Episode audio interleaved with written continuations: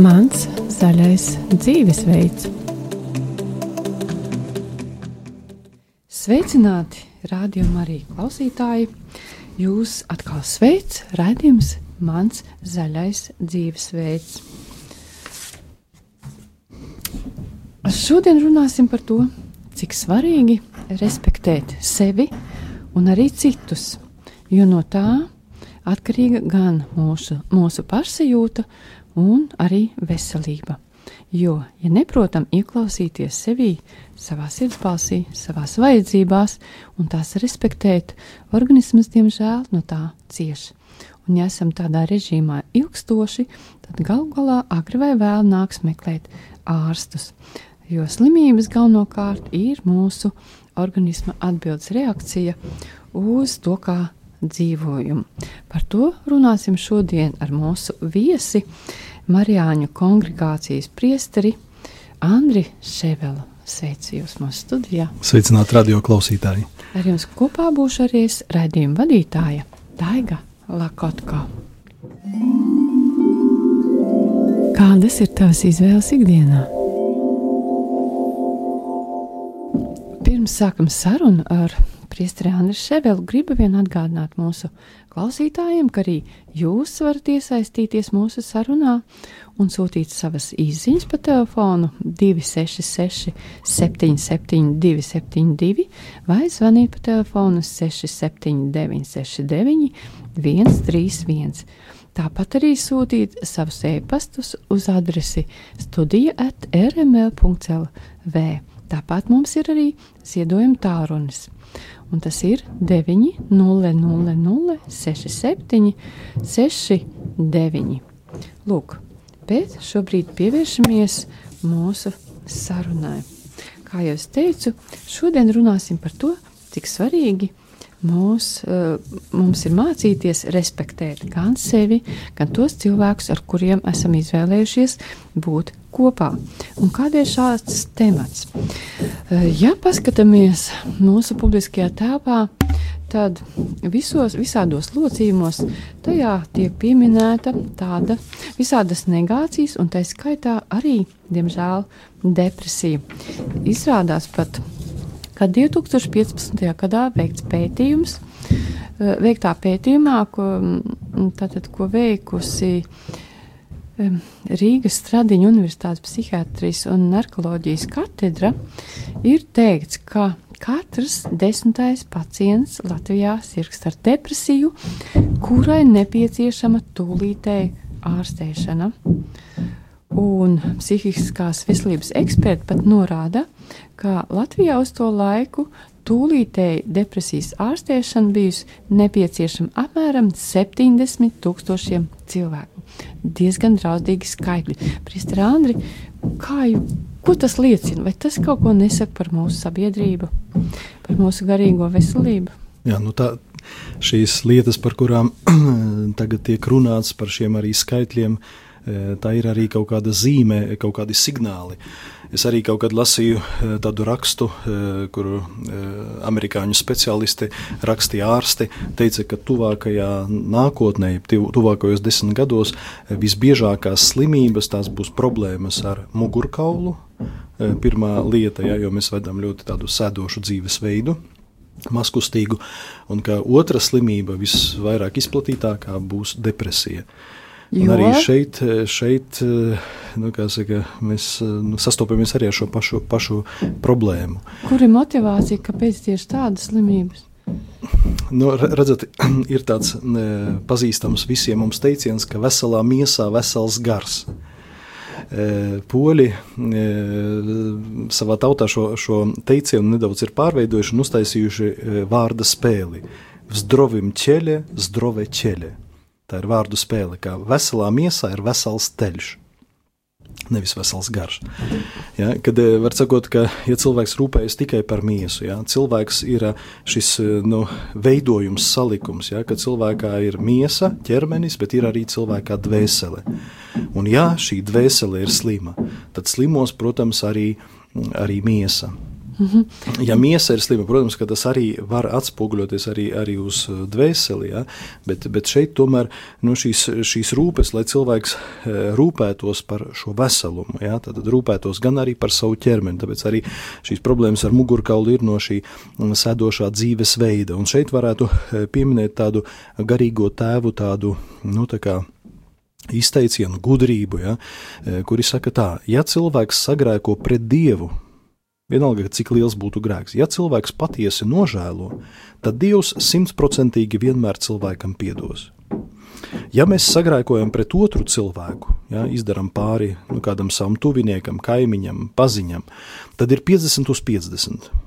Jo atkarīgs ir no cilvēkiem, vai būs šī atdošana eh, vai nē.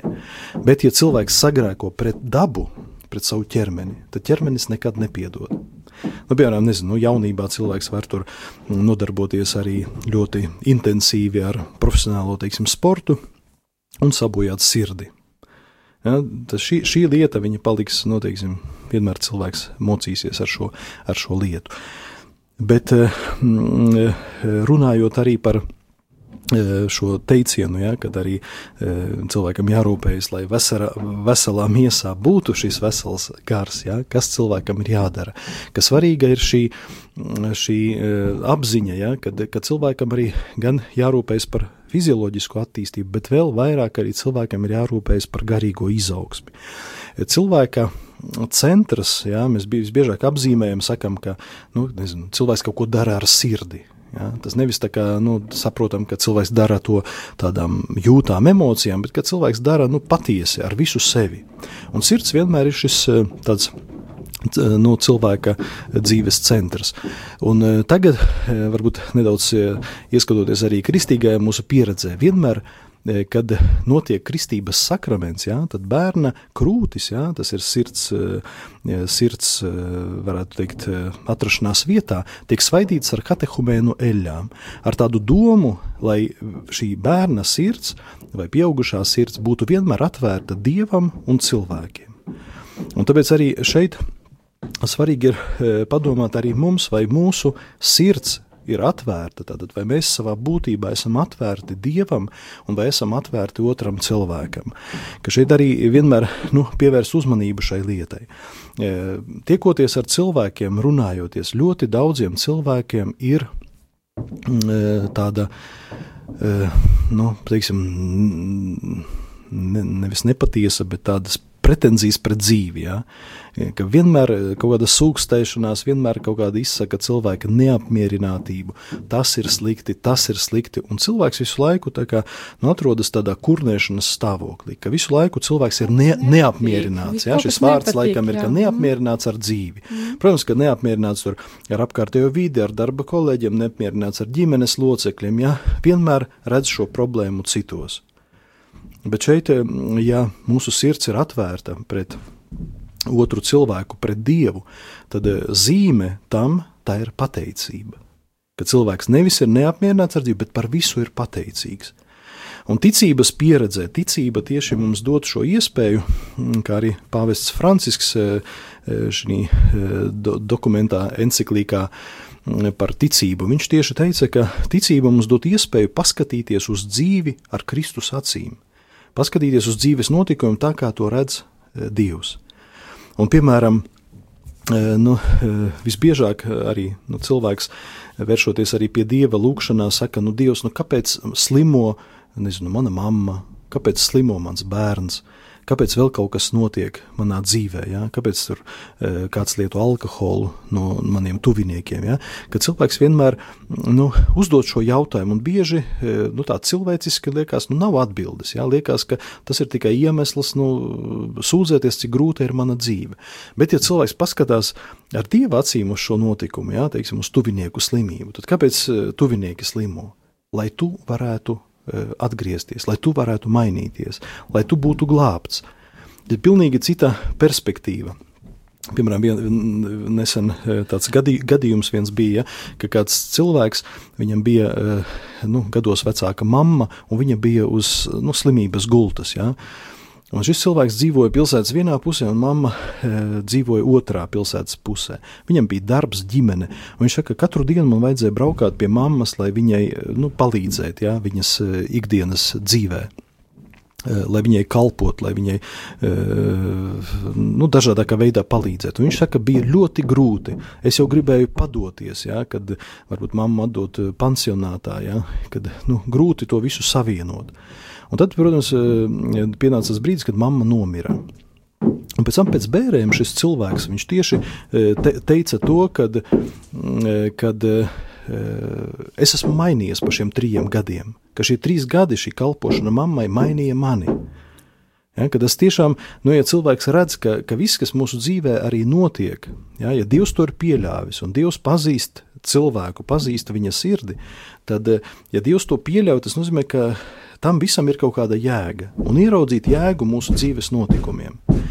Bet, ja cilvēks neredz jēgu, ja viss ir slikti, ja, ja viss ir slikti apkārt, ja, un cilvēks nespēja paskatīties ticības acīm uz savu dzīvi, tad, protams, atliek tikai kurnēt, e, tiesāt citus cilvēkus, ja, būt neapmierinātam. E, Ja, un šī neapmierinātība izraisa arī daudzas problēmas. Ja cilvēks visu laiku ir neapmierināts ar savu dzīvi, nu, tad agrāk vai vēlāk viņš tiešām nu, iekritīs kaut kādā depresijā. Mm -hmm. Es domāju, šis, šis negatīvais skatījums uz lietām, tas ir tas, kas arī vēd uz to depresiju. Šī nespēja pateikties par dzīvi, par to, kas man ir dots, meklēt tādus labus risinājumus. Mhm. Tas ir tas, kas bet arī, arī, bet arī tas, ka, tas, ka interpretēt šos dzīves notikumus, skatīties uz uh, tieši dieva acīm, skatīties uz dzīvi, jautāt arī dievam, ka nu, ir notiek kaut kādas situācijas mūsu dzīvē, ja? ka dievs, ko tu man gribi caur šo situāciju pateikt?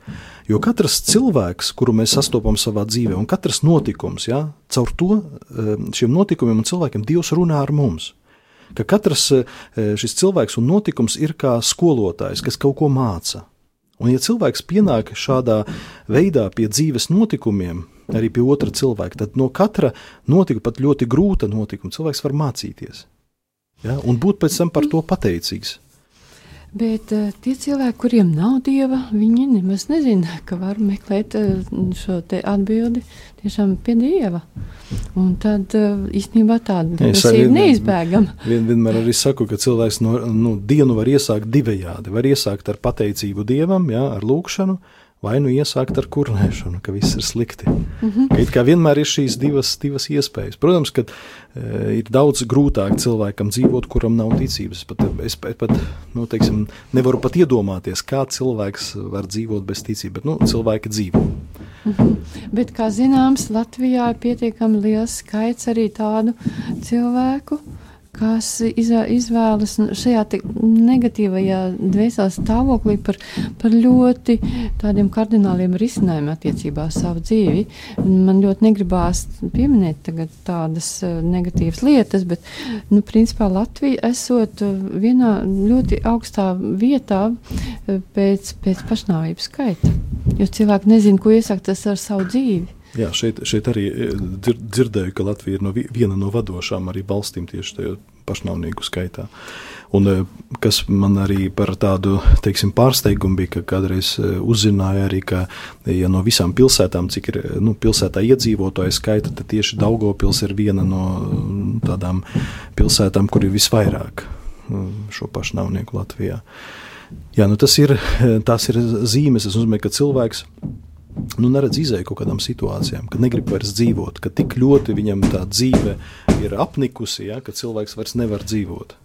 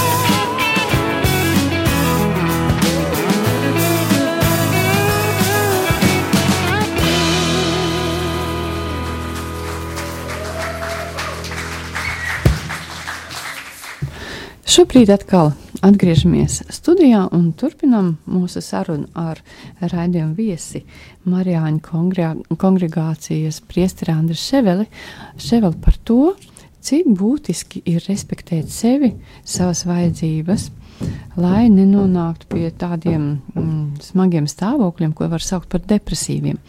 Un šobrīd turpinām sarunu par to, kas liecina mm, par to, ka, mm, ko liecina šie dati, ka katrs desmitais bijis mm, nu, tādā stāvoklī, bijis jāārstējas no depresijas. Priester Andri Lūdzu. Nu, liecina arī par eh, šo uh, sabiedrībā, šo situāciju, ka sabiedrība ir ļoti attālinājusies no šīm garīgām uh, vērtībām, par maz pie, tiek pievērsta uzmanība. Un cilvēks arī šodien viena no tādām arī problēmām, ka cilvēks vairs neuzskata grēku par grēku ja, ka zūd cilvēkos grēka apziņa. Ja, kad eh, arī eh, kaut kad eh, dzirdēju arī vienu tādu konferenci, kur arī psihiatri izteicās, kāds no psihiatriem te, te, teica, ka depresijas viens no tādiem arī iemesliem tas ir tas, ka cilvēks ir kaut kādā dzīves posmā iztaisījis apostāzi. Tas nozīmē atteicies no dieva. Jā. Apzināti, kā, kā tas te nu vienmēr grēks ir brīvprātīgs un apzināts. Jā, bet nu, tas nozīmē, ka cilvēks kaut kādā dzīves brīdī ir atteicies no dieva. Pēc tam arī, protams, kad arī gan seksuālie grēki, laulības pārkāpšana un daudzi citi grēki, kas sabiedrībā liekas, ka daudziem cilvēkiem, nu kas tur, ka man ir sieva un ka man ir mīļākā, ja, ka tas ir kaut kā nu, pieņemami, normāli. Ja, ja es varu sat, uzturēt abas divas sievietes, kāpēc gan ne? Uh, Jā, pēc tam arī ir nu, slepkavības, jā, gan arī šeit aborti, jā, kad cilvēks, teiksim, ģimene pieņem lēmumu nepieņemt savu bērnu, jā, uztaisīt, iet sievai uz abortu, jā, ka tas jau arī atstāja ļoti dziļas sekas, un pēc tam tas arī var izraisīt, izraisīt depresiju. Ja pēc tam arī ļoti nopietna tēma tā ir nepiedošana kad cilvēki nepiedod. Protams, ka mūsu dzīve ir pilna arī ar e, dažādām negatīvām lietām, un e, pāridarījumiem, pazemojumiem, ievainojumiem. Nu, daudz ir šī, šo situāciju, bet, ja cilvēks e, nepiedod, tad ilgstoši esot nepiedošanā, tas arī izraisa nu, teiksim, fizioloģiskas problēmas. Amerikāņu psihologi tieši saka, ka, ja cilvēks piedod, tad viņš ir dzīvo tādu nu, jūtās nu, veselīgāks, ir jā, mhm. veselīgāka dzīve, viņš ir laimīgāks un viņš ilgāk dzīvo. Runājot par šo piedošanu, es esmu dzirdējis rekolekcijās arī šo skaidrojumu, kad no vienas puses liekas, nu kā es tā piedošu tam pāridarītājam, tad viņš man atkal darīs nu, tā, kā viņš darīs. Bet patiesībā tas nozīmē tikai, ka es atlaižu šo situāciju, es atlaižu pārdarītāju, es nekoncentrējos uz viņu, jo, ja es visu laiku esmu negatīvās izjūtās, tad tas arī ved pie tās slimības. Nu jā. Jā, un vēl, vēl, viena, vēl viena lieta, mēs arī zinām, ka mūsdienu sabiedrībā tomēr redzat, nu, tā kā dvēsele e, nu, tukšumu nemīl. Ja šajā nu, cilvēka dzīvē nav klātesošs dievs, ja, attiecības ar dievu, ja cilvēks arī m, mm, e, ignorē visus baušļus, tad, tad nu, nepaliek tāds tukšums. Tad cil, cilvēks atkal tad e, dodas kaut kur pie kaut kādiem dziedniekiem, nu, iesaistās okultismā. Un mēs zinām arī pēc statistikām, ka dažādu nu, gan dziednieku, gan, gan pareģu, gan zilnieku šie saloni, viņi atverās ar vien vairāk un vairāk. Populāri, jā, viņi jūs... kā, mm. kā sēnes pēc lietus. Jā. Mm -hmm. bet, bet arī šeit ir, redzat, nu, kāpēc šis okultisms ir arī ļauns, jā, tāpēc, ka nu, mēs ieejam arī šajā ļauno garu pasaulē pasaulē, kura eksistē. Un ieejot viņā, e, tā, tā, tāds varētu būt teiksim, salīdzinājums, ja cilvēks aizbrauc uz kaut kur uz Āfriku un ieiet džungļos. Ja? Dienas laikā džungļi ļoti skaisti ir. Tur krāsaini putniņi čivina, tur e, skaisti skati, ja? tu vari dzīvniekus tur no tāluma kaut kur tur ja? vērot. Bet, ja ieej džungļos, džungļos ir tāda lieta, ka ļoti ātri paliek tumšs. Tur ir diena, diena gaiša un pēkšņi paliek tumsa. Un, kad tu esi iegājis dziļi, tu nezini, kā no turienes tikt ārā. Un tad visi plēsīgie dzīvnieki lien ārā no savām alām, lai tevi saplosītu. Un tāpat notiek ar okultismu. Sākumā, kad cilvēks ieiet šajā varbūt parapsiholoģijā, okultismā, e, viss liekas ļoti skaisti, pievilcīgi. Ja? Tu tev atklāja kaut kādas īpašas spējas, dotības. Tu tajā visā ienāc iekšā, bet pēc tam tu nezini, kā no turienes iet ārā. Vi, vi, vien, vieniem cilvēki, vien cilvēki ar tādu problēmu bija, viņiem aizgāja pie kaut kāda tur e, cilvēka, kurš viņam atvēra čakras. Mm -hmm. Tika atvērtas čakras. Pēc tam šis cilvēks sāka dzirdēt balsis. Ja? Balsis tas ir arī, protams, pazīme šizofrēnijas. Ja? Bet sāk dzirdēt balsis, ka tur kaut kādi gari lamājās, ja? un vēl kaut kas, un tas sāk traucēt dzīvot, kad tu sāk dzirdēt šīs balsis, un nezini, kā no tā tikt vaļā. Un tāpat, tāpat arī, piemēram, ar e, horoskopiem, ja, kad e, arī ko horoskopi noteiksim, vai e, planētu zvaigžņu izvietojums. Ja, planētas, nu, horoskops, kas ir nu, tas zvaigžņu izvietojums, planētu izvietojums. Kas ir planēta? Planēta tā ir, tā ir, tā ir nu, vienkārši matērija, ja, un tagad no viņu izvietojuma ja, kurai matērija, kurai nav prāta. Ja. No viņu izvietojuma būs atkarīgs, ka, vai, vai man šodien būs laba diena vai slikta, vai man iziet pie vīra vai, vai, vai, vai, vai neprecēties. Ja, tas ir it kā kāds nosaka manu dzīvi, un ja cilvēks ieiet tajā visā, tas sanāk tā, ka tava dzīve ir saprogrammēta. Es atceros, kādreiz viena sieviete bija atnākusi uz sarunu un saka, ka viņa iepazīstā, iepazīstās ar vīrieti, ja, draudzējās kaut kur trīs mēnešus, un pēc tam viņa uh, nu, draudzība izirst. Un viņa saka, es nevaru vīru atrast. Tur iepazīstos ar cilvēku, divi, trīs mēneši draudzējamies, un viss atkal, atkal izirst attiecības. Pēc tam sākām runāt, izrādās, ka šī sieviete kādreiz ir bijusi pie kaut kāda dziednieka un uh, dziednieces, ja? un viņa esot pateikusi, ka tev ir viņas bezbračie. Es nezinu, kā to latviešu iztulkot. Tas ir ne, ka, ka kā tāds nu, vainags uzlikts tev, ka tu ne, nekad ne, ne, nesalauzāsi. Un, un, viņai, un viņai tas prātā tik ļoti ir tas nosēdies, ja, ka viņa veidojot attiecības tagad, ja, lai gan tas bija jaunībā, ja, tas tie vārdi, bet tas ir palicis zemapziņā tik ļoti dziļi cilvēkā, ka viņš nu, šī sieviete no mokās un netiek no tā mm. vaļā. Un, un, un tiešām tas arī var vest uz kaut kādu, nu, teiksim, nu, tu mēģini vienreiz iepazīties, tev nesanāk, otrais, trešoreiz, desmitoreiz tev nesanāk. Nu, tas jau arī var vest pie kaut kādas, kāda jēga dzīvē. Tad es gribu ģimeni, šīs ģimenes, ģimeni nevar nodibināt. Ja, šīs lietas, redzat, nu, viņam visām ir, ir šīs sekas, tāpēc ir uh, lietas, no kurām nu, cilvēkam jābūt ļoti uh, nu, piesardzīgam, jā, distancēties no šīm lietām. Un tiešām rū, rūpēties, lai cilvēks būtu uh, nu, teiksim, arī uh, garīgi stiprs un spētu prastu uz savu dzīvi skatīties tā, kā skatās šo dzīvi redz Dievs. Priesteri Andris, sadzirdu jūsu teiktajā, ka tā, tā pamata nostāda ir tāda, ka cilvēki diezgan bieži nezin, eh, kas ir labi, nesprot atšķirt labu no ļauna, mm. un tad, kad viņi ir, lūk, pieļāvuši kaut kādas nepareizas aplams rīcības un nezina, no kā, eh, kā tikt no tā ārā, tad iet vēl tālāk un, un, un kļūdās vēl, vēl dziļāk bedrēt caur šiem te eh, visādiem dziedniekiem, ekstrasensiem un tam līdzīgi, kaut gan patiesībā risinājums ir pavisam citur Jā. jāskatās. Bībelē ir arī tāds teiciens, ka pienāks tādi laiki, kad cilvēks nepratīs atšķirt labo roku no kreisās. Ko tas nozīmē? Nepratīs atšķirt labo no ļaunā. Ja, to, to, ko es jau iepriekš teicu, var tikai atkārtoties, ka šodien mūsdienu cilvēkā zūd grēka apziņa. Un tāpēc arī Bībele saka, ka pirmais svētā gara uzdevums ir pārliecināt cilvēku par grēku. Lai cilvēkam atvērtu acis, jo mēs esam tā kā akli, ja, šajā garīgajā dzīvē, un mēs neredzam. Citiem vārdiem, tas ir tādiem cilvēkiem, kuriem nav dieva, lai būtu saprotami, ka saprast, kas ir normāli, kas ir veselīgi, un šo te uh, neveselīgo izvākt no savas dzīves. Jo, teiksim, liekas, ak, tiešām kaimiņš tur dara to un to, un tam nekas nenotiek, bet patiesībā notiek. Un, ja es ne, neapstājos grēku priekšā, tad sekas ir tādas, ka es atbildu ar sevi, ar savu dzīvi, un tas ved uz to depresiju, uz visiem šiem nepre, nepreiziem, negatīvajiem risinājumiem. Un Bībelē viens ir teikts, ka vislielākais ļaunums, kāpēc Kristus ir atnācis šajā pasaulē, lai cilvēku atbrīvotu no grēka no grēka verdzības, ka cilvēks ir kļuvis e, caur šo pirmzimto grēku, caur pārējiem grēkiem, kurus izdarījis, ir kļuvis par grēka vergu. Ja? Katrs, kas grēko, ir grēka vergs. Un grēku mēs, mēs arī bieži salīdzinām ar purvu. Ja cilvēks ir iekritis purvā, tad tas purvs cilvēku visu laiku ievelk dziļāk un dziļāk.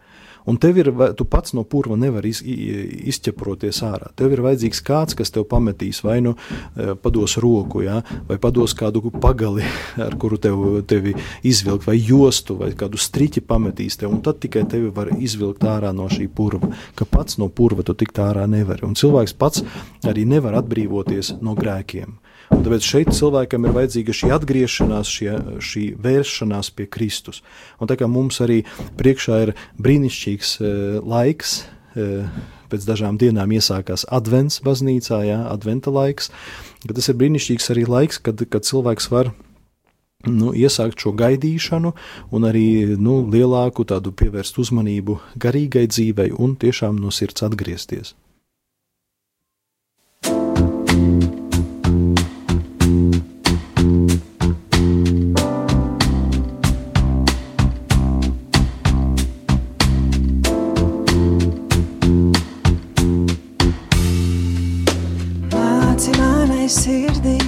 Patiesai būt, māci man pa īstam, patiesi lūk, rādi manai sirdī to ceļu, kur iet, rādi man, kā neapmaldīties.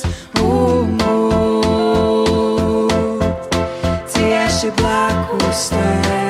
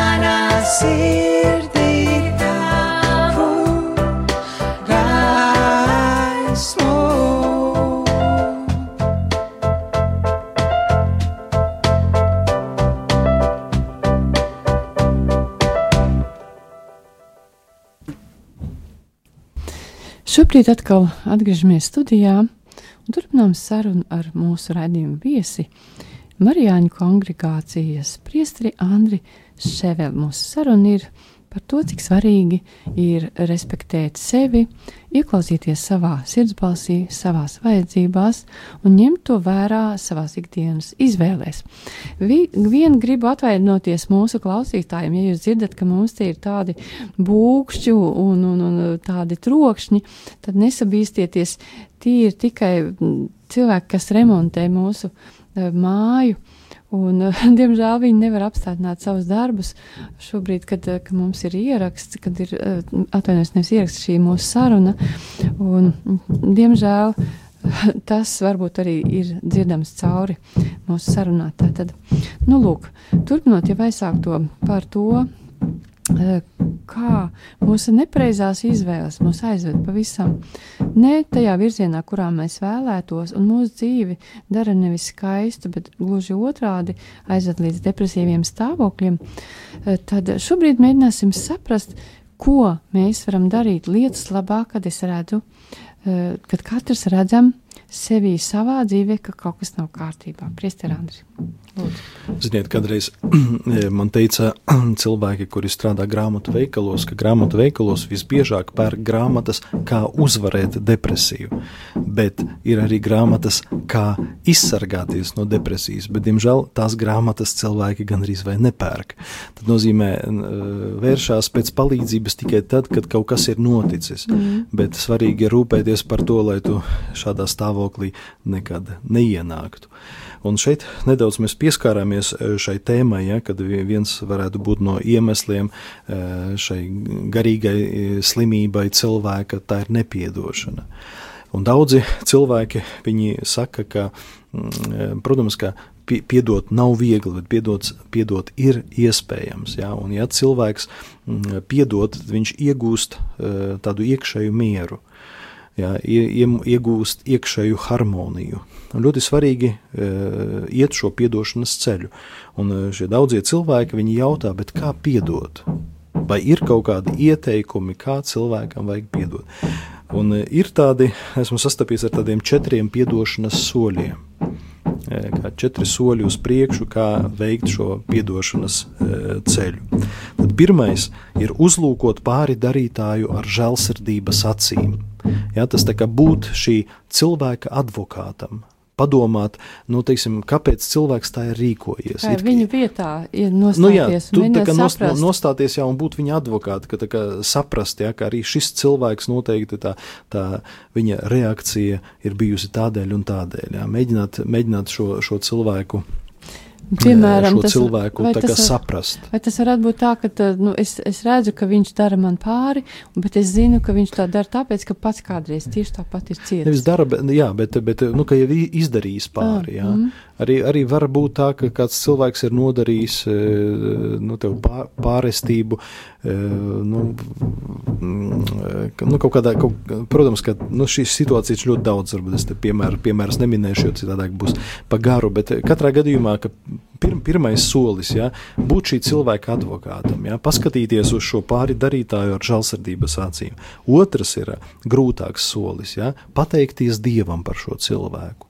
Tāpēc, ka, kā jau iepriekš teicu, ka katrs cilvēks mūsu dzīvē, pat arī tas, kurš mums izdara pāri, viņš ir kaut kāds mūsu dzīves skolotājs. Varbūt viņš ir jā, aizvainojis mūsu lepnību.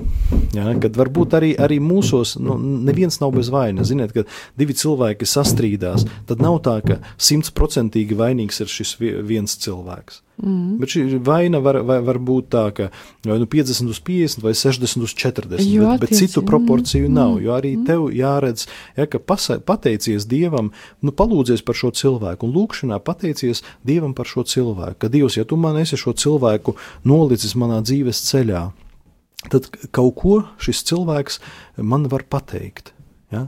Pat arī nu, tāda ikdienišķa lieta, strīdi. Ja? Ģimenē bieži arī notiek dažādi strīdi. Ja? Kad, nu, kad cilvēki strīdās, tad vienmēr aiz strīda kaut kur slēpjas lepnība. Ja, kad arī šis, šis strīds var man varbūt parādīt, atklāt manu lepnību, ka man grūti ir piekāpties otru priekšā. Varbūt tiešām man, manī trūks šīs pazemības, esmu ļoti augstprātīgs, lepns cilvēks.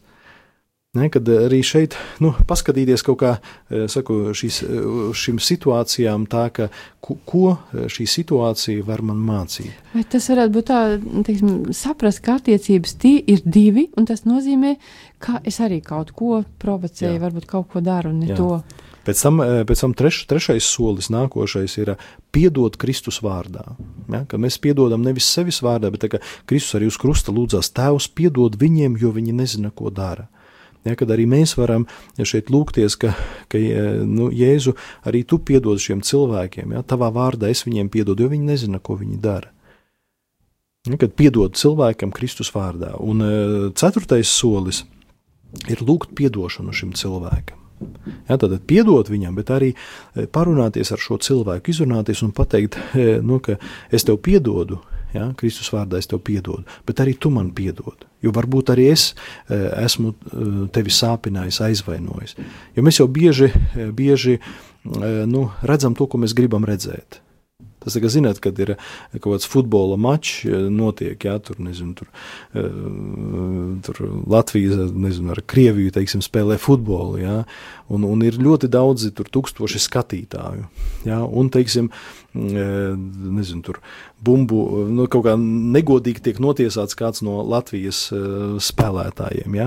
Tad, tad, tad uh, puse uz pusi. Vieni, vieni saka, ka nē, tas nav taisnīgi. Ja? Otrs, nu, it kā visi redz to, to spēli vienādi, bet katrs noteikti nu, redzēs to, ko viņš grib redzēt. Tie, kuri ir par savu komandu, viņi vienmēr aizstāvēs savējos, ja? tie, kuri ir pretinieki, mm. viņi runās tā.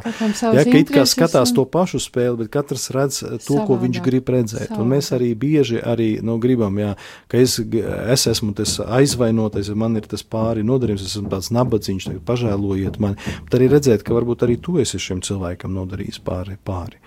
Varbūt tu šo cilvēku esi sirdī tiesājis. Mhm. Jā. Pēc tam šī ir piedošanas eh, tēma. Pēc tam, e, tu arī sākumā teicu, ka, e, ja cilvēkam sirds ir atvērta dievam un cilvēkiem, tad arī nu, vērsties pie dieva ar e, lūgšanu. Šī pateicības lūkšana ir ārkārtīgi svarīga, lai mēs pateiktos dievam un arī mācītos dievu slavēt. Un arī dievam jautāt, ka, kungs, ko tu gribi man teikt? Ja? Ko, ko tu gribi man teikt? Kad nevis es savu dzīvi vadu, bet arī prasīt, ka, ka kungs, kā man rīkoties, ko man darīt. Ja, lai šo, šo, šajos jautājumos arī nu, vērsties pie Dieva, prasīt. Pēc tam arī, ja cilvēks ir arī nu, sagrēkojis, ja mēs teicām, ka cilvēks pats sevi nevar atbrīvot no grēka, tad ir brīnišķīgi iespēja cilvēkam aiziet uz grēku sūdzi. Lai cilvēks varētu šo smagumu, ko viņš nes sevī, lai viņš varētu no viņa atbrīvoties, saņemt šo, šo dieva piedošanu.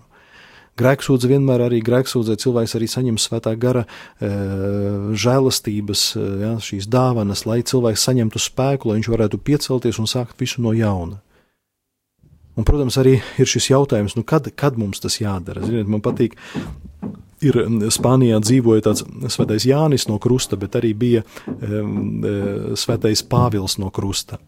Un viņš eh, dzīvoja netālu no vienas pilsētas, klosterī. Un, eh, kad viņš gāja uz to pilsētu, tad tajā pilsētā bija tāds viens nu, publisks grēcinieks. Ja, cilvēks, kuram piederēja publiskais nams. Nu, kurš bija sakot, atvēris publisko namu. Un šis Pāvils, kad viņu sastapa ceļā, tad vienmēr viņam uzdeva jautājumu, vienu jautājumu tikai: kad tu atgriezīsies? Ja? Kad tu mainīsies, kad tu atgriezīsies? Šis cilvēks, protams, vienmēr dusmojās, tur ar rupjiem vārdiem apsauca to svēto pāvilu, tur pat ar kaut kādiem sapuvušiem tomātiem, laikam uz viņu mētāja. Pēc tam, kad jau redzēja, e, mēģināja ar apli apiet viņu, jā, lai tikai nesastapt viņu. Jā, bet vienmēr viņš, kad Pāvils sastapa, viņš prasīja viņam, kad tu atgriezīsies. Un tā tas ilga vairākus gadus. Un pienāca tāda diena, kad Pāvils viņam saka, kad tu atgriezīsies. A šis cilvēks saka, Pāvila, kad vajag? Kad vajag atgriezties? Un Svētais Pāvils viņš saka, šodien. Tagad. Tagad. Un viņš saka, labi. Un viņš aizgāja, tad pieņemot šo lēmumu, jā, atgriezties. Viņš aizgāja, sasauca šīs sievietes, kas strādāja šajā publiskā namā, nostājās viņu priekšā uz ceļiem, lūdza viņām atdošanu, pēc tam paņēma naudu, kas viņam bija, izmaksāja šīm sievietēm naudu, viņas atlaida un aizvēra šo publisko namu. Mhm. Un šī cilvēka dzīve izmainījās. Viens lēmums, bet arī visu laiku. Nu, šis Pāvils, Pāvils visu laiku mm. viņu, viņam šo jautājumu uzdeva, kad tu atgriezīsies. Un tāpēc mums ļoti svarīgi ir neatlikt šo atgriešanos uz vēlāku, bet Bībelē ir ļoti svarīgs vārds šodien, hodie. Ja, kad šī atgriešanās ir vajadzīga šodien. Katru dienu mums ir vajadzīgs Dievs, katru dienu mums ir vajadzīga šī atgriešanās. Jo bez Dieva, kā apustulis arī Jānis evanģēlijā saka, ka bez Kristus mēs neko nevaram darīt. Neko. Priester. Ka mums pastāvīgi ir vajadzīga, vajadzīga šī gan Kristus mīlestība, gan Kristus piedošana, gan viņa žēlsirdība, ka, ka nemitīgi mums ir vajadzīgs. Priester Andri, mums šobrīd pavisam ļoti mazi palicis laika. Vai jūs tiem cilvēkiem, kuriem ir Dievs, kas iet uz baznīcu, kuri praktizē šo garīgo dzīvi, viņiem šie risinājumi der? Vai mēs varam kaut ko teikt tiem cilvēkiem, kuriem nav dieva, bet kur ir depresijā, un kuri, tur, kuri ir tuvu tai līnijai, tam punktam, par kuru mēs runājām, kad, eh, nu, kas ir viskritiskākais? Ja, nu, protams, ka grūti kaut kādas receptes eh, dot, eh, bet varētu, piemēram, nu, to, to, ko es tikko teicu, ja, ka viena no tādām būtiskām lietām cilvēkam ir dzīvot šeit un tagad. Mums ir e, patiesībā divas slimības tādas. Vai nu cilvēks dzīvo pagātnē, visu laiku atceroties kaut ko, vai nu dzīvo visu laiku nākotnē, plānojot kaut ko uz rītdienu. Bet e, nedzīvo cilvēks šodien. Un bieži cilvēks, kas nonāk tādā depresīvā stāvoklī, viņš vai nu redz, ka viņam nākotnes nav, vai viņš dzīvo visu laiku atmiņās par pagātni, bet nedzīvo šodien. Ka viens no tādiem, nu, teiksim, padomiem dzīvot šeit un tagad. Ja, tas arī ir svarīgi. Pēc tam e, arī no iepriekš teiktā, ka pateikties. Ja, pateikties, pateikties un vēlreiz pateikties. E, man liekas, e, rabīnu tradīcijā bija tāds teiciens, ka jo sliktāk tev iet dzīvē, jo vairāk pateicies. Jo vairāk tev vajadzīga pateicība. Jā, jo vairāk, jo sliktāk, jo vairāk pateicies. Un šī pateicība mācīs tev kaut kā pozitīvāk pa, paskatīties uz to, jo pateicies tu par konkrētām lietām, jā, par to, par to, par to. Un tad tu ieraugi to, kas tev ir. Un, ieraugi savas vērtības. To, neredzi to, kas tev nav, bet ieraugi to, kas tev ir.